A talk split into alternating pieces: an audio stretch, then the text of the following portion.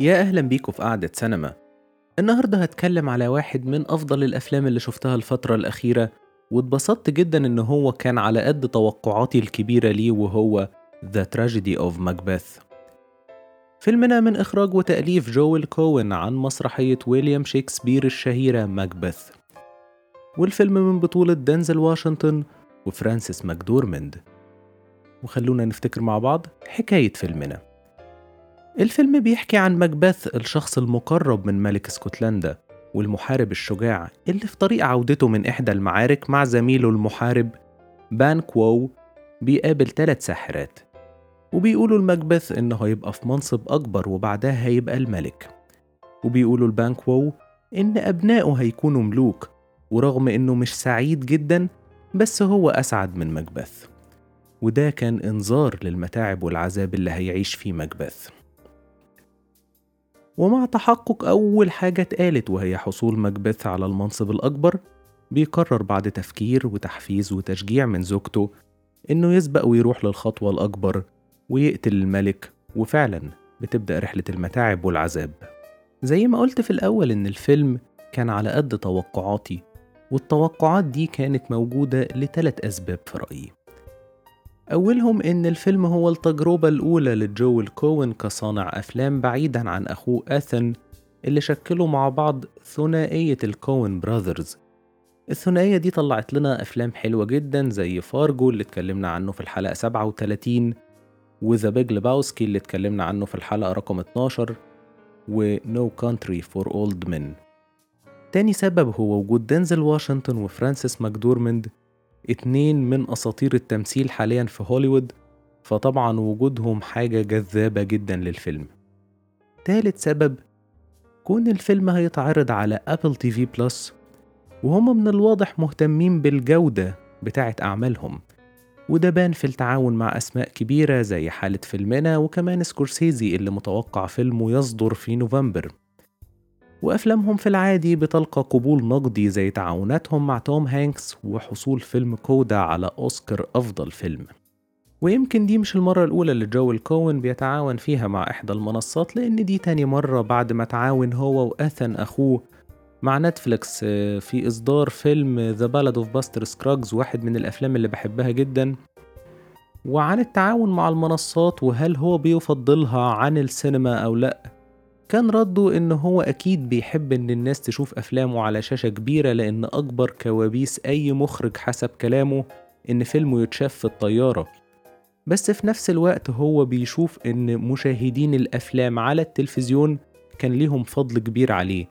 لأن لما ابتدى هو وآثن أخوه ما كانش المنتجين هيرضوا يعملوا لهم أفلام لولا الربح اللي كان بيجيلهم من شرايط الفيديو. وكمان نجاح The Big Lebowski ما حصلش غير بعد ما اتعرض على التلفزيون لأن هو كان إيراداته متواضعة جدا على شباك التذاكر. ففي رأيي إن التعاون مع أبل تي في بلس كان خطوة موفقة جدا لأن أعتقد إن الفيلم ده لو اتعمل علشان يتعرض في السينما بس ما كانش هيحقق الإيرادات دي وما كانش حد هيتحمس إنه ينتجه.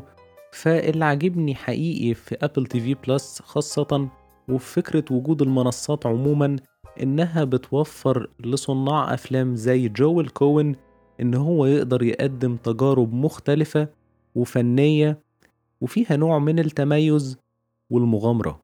ونرجع نتكلم عن فيلمنا اللي حابب أتكلم أول حاجة عن أسلوب كوين في صناعة الفيلم ده.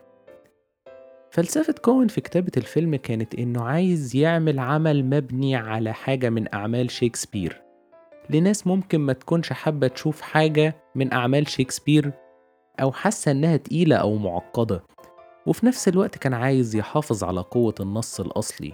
فكان اللي شاغل تفكيره زي ما بيقول هو إزاي يخلي رتم الفيلم عالي أو قوي طول الوقت زي ما يكون فيلم جريمة. فبجانب الفلسفة دي في الكتابة والرؤية بتاعة النص والاستعانة بأحد أصدقائه اللي بيدرسوا أعمال شكسبير في الجامعة كان في العديد من العناصر اللي اعتمد عليها كوين كانت في رأيي موفقة جدا ساعدته إن هو يوصل فلسفته. أولها كان قراره بالاعتماد على الأبيض والأسود في التصوير مع مدير التصوير برونو ديلبونيل واحد من مديرين التصوير المميزين جدا وهو تعاون معاه هو وأخوه في فيلم Inside Llewyn Davis واحد من الأفلام اللي بحبها جدا وكمان The Ballad of Buster Scruggs والأبيض والأسود هنا ساعدوا كوين على الحفاظ على التركيز على الأفكار زي ما هو بيقول إن هو كان عايز يعمل كان عايز يخلي الأمور حسب كلامه تجريدية أكتر. فزي ما قلنا هو ما حاولش يهرب من المسرحية فالأبيض والأسود كان قرار مساعد جدا إن هو يحافظ على قوة النص فعلا. بجانب التصوير هنلاقي إن ال production design كان متميز جدا وإدى للفيلم طابع أسطوري فعلا بجانب موسيقى كارتر بورويل اللي هو بيتعاون معاه دايما هو وإثن أخوه في معظم أفلامهم كانت مميزة جدا وحافظت على mood الفيلم. فأقدر أقول إن أنا عجبتني فعلا حكاية إن هو حافظ على مسرحية القصة بدون ما يخلي ده يضر الفيلم. يعني أخد من المسرح كل ما يناسب التجربة من حوارات ورسم شخصيات وبناء قوي بس ما وقعش في فخ زي الأداءات المسرحية مثلا لأنها بتكون مش مناسبة للسينما وكان ده أكتر حاجة قلقاني إنها تحصل في الفيلم إن يبقى بقى فيه الأداء الأوفر اللي مش مناسب خالص إن هو يتشاف في فيلم. بس كالعادة جو الكوين زي ما عودني مع أخوه في تجاربهم قدر يخلي الفيلم حقيقي ممتع.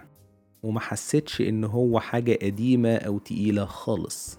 من ضمن الحاجات اللي كانت قوية في رأيي جدا هي الأداءات وعلى ذكر الأداءات أقدر أقول إن كل الأدوار المساعدة كانت جيدة. بس ما حسيتش إن في حد استثنائي بس ما حدش كان أداؤه ضعيف برضه. وبالنسبة للأبطال كانوا هم أهم فردين في الفيلم. أدائهم كان متميز جدا والكيمياء بينهم كانت عالية جدا. فرانسيس ماكدورمند كانت كويسة جدا وباين تمرسها في أداء الشخصية اللي أدتها على المسرح قبل كده وواضح جدا دراستها وفهمها للشخصية.